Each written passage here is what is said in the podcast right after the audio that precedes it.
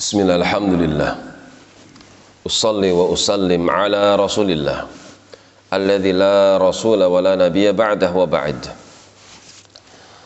Masih di dalam surah Al-Ahzab sampai pada firman Allah Ta'ala La yahillul lakan nisa min ba'du Sudah tidak lagi dihalalkan bagi engkau ya Muhammad sallallahu alaihi wasallam untuk menikahi wanita-wanita. Min ba'du. Setelah kau menikahi sekian banyak wanita. Istri beliau sebelas.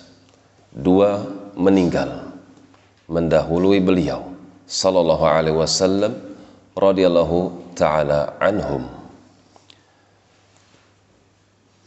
Nabi-nabi memiliki sekian banyak istri. Di antaranya Nabi Sulaiman. Demikian pula bapaknya yang bernama Daud alaihissalam jadi bukan hanya Nabi Muhammad sallallahu alaihi wasallam yang memiliki istri lebih daripada satu. Ibrahim Yakub istri mereka berbilang.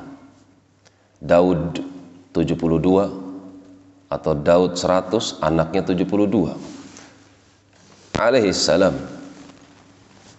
Wala an tabaddala bihinna min azwaj. Demikian pula tidak dihalalkan bagimu untuk mengganti dari istri-istri yang telah kau ikat dengan akad pernikahan tersebut. Walau a'jabaka husnuhunna. Meskipun ada wanita-wanita selain daripada istrimu yang memikat hatimu.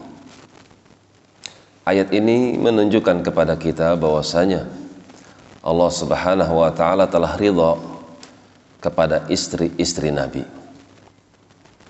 Kenapa dikatakan Allah telah ridha kepada istri-istri Nabi Aisyah, Khadijah dan seterusnya?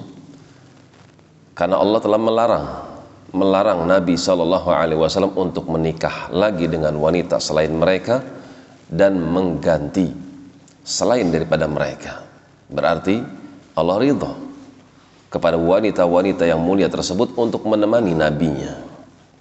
Illa ma malakat yaminuka kecuali budak-budak yang engkau miliki yang ada di sebelah kananmu para tawanan-tawanan perang maka mereka boleh dipersunting.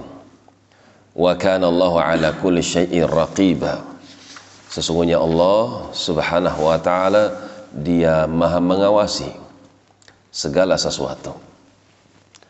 Apa yang dilakukan oleh manusia, apa yang diucapkan oleh manusia, bahkan apa yang dibisikkan di dalam jiwa manusia, maka sungguh Allah Subhanahu wa taala mengawasi gerak-gerik mereka.